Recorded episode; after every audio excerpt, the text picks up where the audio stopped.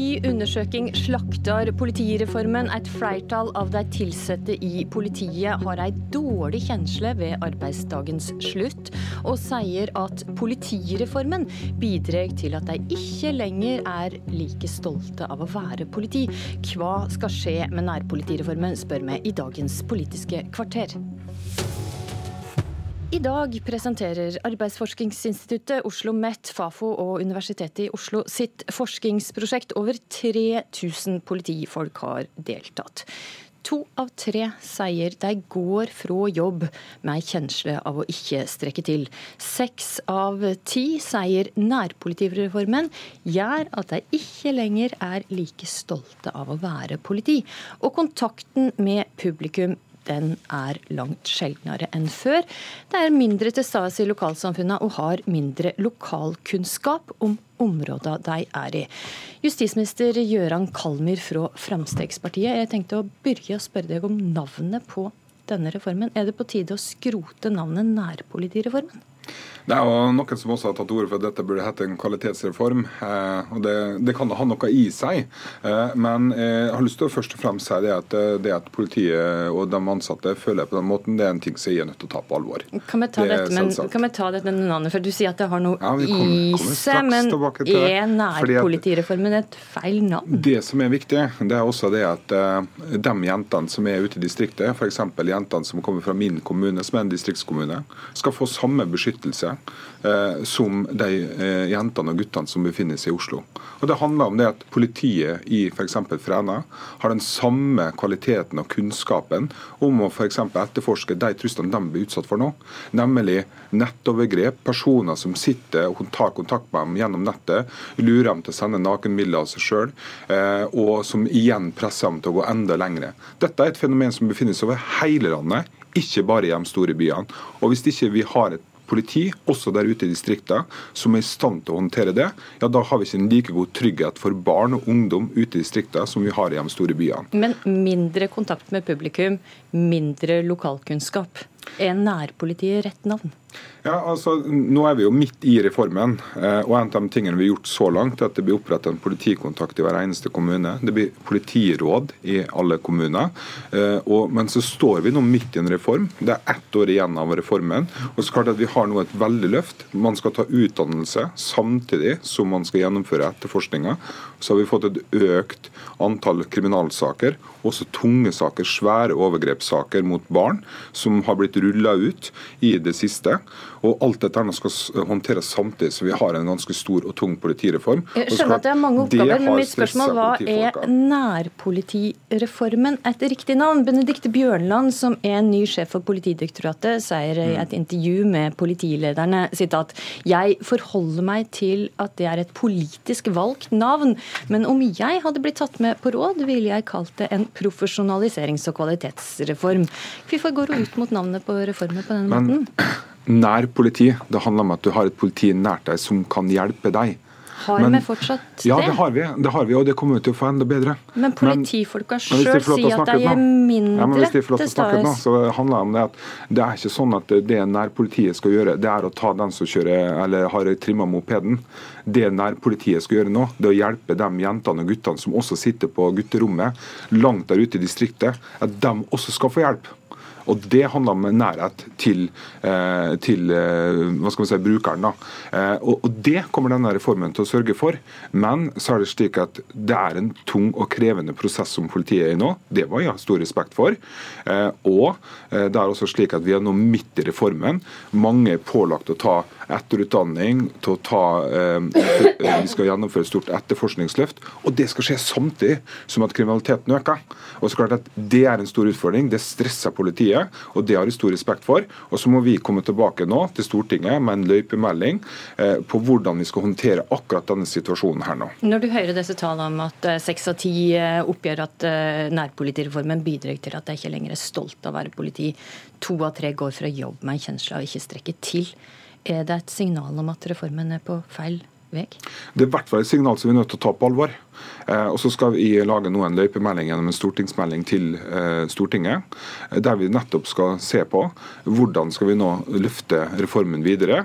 Fordi at Det kan hende at det kan være ting, enkelte ting vi skal justere på her nå, men samtidig så vil jeg understreke det. Vi har også tilført politiet 4 milliarder flere kroner enn siden 2013.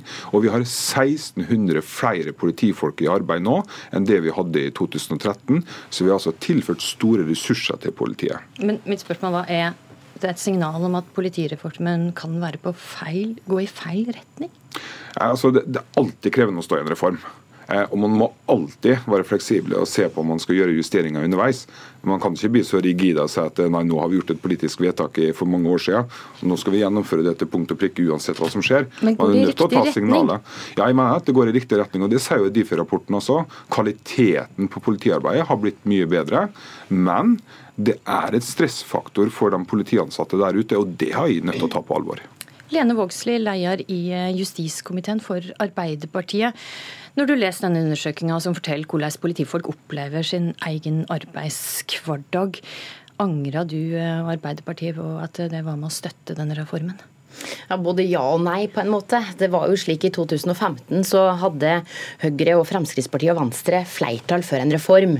Arbeiderpartiet, Arbeiderpartiet vippa ikke det i noen retning. Spørsmålet var om vi ville være med på å gjøre han bedre.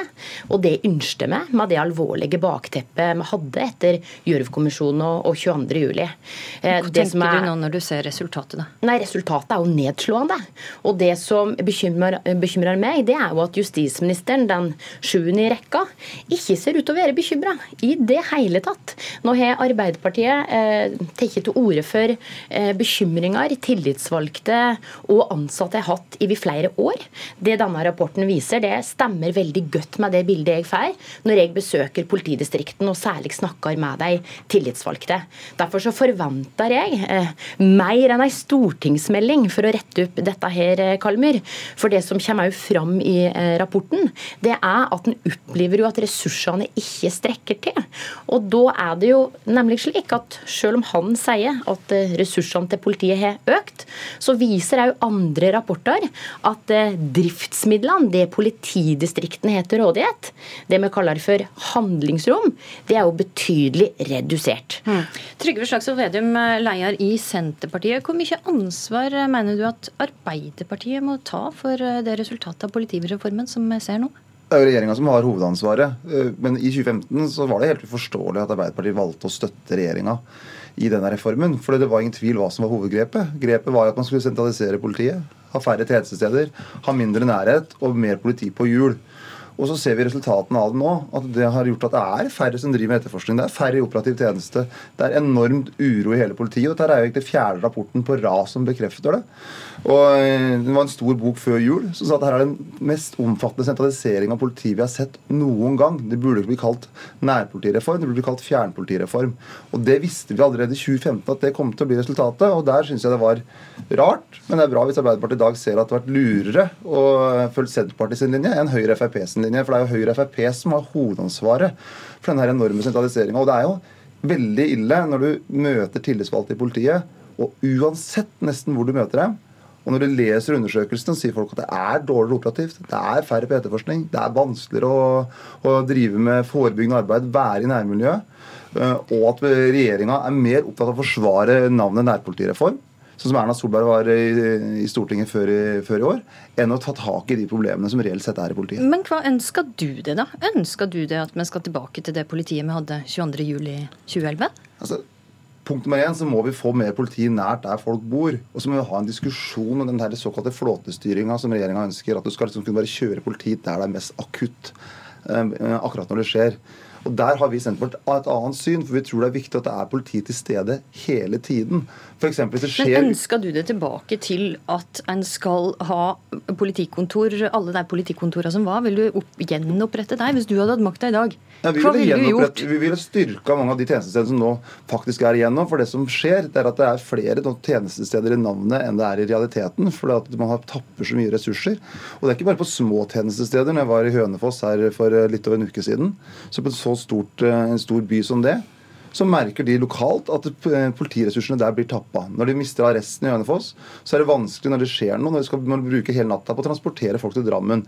Så det er veldig mange sånne små grep som har gjort at hverdagen for politiet rundt omkring i Norge har blitt vanskeligere og ikke lettere. Så vi måtte jo begynt i en ende, og i hvert fall ikke minst styrka de tjenestestedene som er igjen. Og også mener jeg den passentraliseringa som nå skjer, burde Kalmyr stoppe, for den er veldig dyr. Den tar masse ressurser. og Det problemet at de kjører reform okay, på reform oppå hverandre. og Da blir egentlig systemet overoppheta, og det blir dårligere tjeneste og mindre trygghet for folk. Kalmyr, det er et poeng at politiet nå opplever at det er for mange oppgaver på en gang de skal løse. Uh, og Det er jo litt av situasjonen uh, og grunnen eh, til at disse tallene som politifolka sjøl rapporterer om, er så nedslående som de faktisk er. Ja, det er nettopp det jeg sa, at Vi står i en krevende situasjon. Vi skal både gjennomføre en reform, og så skal vi fortsatt holde trykket mot kriminaliteten oppe samtidig. Det er de samme Var det litt for mye på en gang? Ja, som sagt, Det er jo nettopp det vi nå skal vurdere da, i etterkant av Difi-rapporten. Men jeg har lyst til å understreke behovet for denne reformen. Eh, og Det er ikke sånn at vi sitter og bruker tida vår på å forsvare navnet. Det vi sitter og bruker tida vår på å forsvare, det er kvalitetsløftet altså etterforskningsløftet. Og Når eh, Trygve Herna mener det at man skal ha mer synlig politi, så synes han å glemme det at det var ikke noe mer synlig politi før. Jeg har vokst opp på bygda, jeg. Jeg vet hvor lite synlig politiet var. Uh, det de stort sett brydde seg om, det var jo de enkle kriminalitetsbildene som du så. Uh, og det var et helt annet kriminalitetsbilde også. Det var, hvis det var en postran eller et eller annet, ikke ran, men en eller annen safe som var borte, så var det jo en to-tre stykker i bygda man kunne prøve å finne tak i.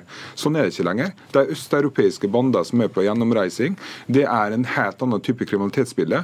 Og hvis du vil ha tilbake den gamle strukturen, så er du ikke opptatt av å sikre trygghet for innbyggerne i distriktet. Det er nettopp det denne reformen er skal gjøre. At alle i Norge har et godt og trygt eh, hverdag.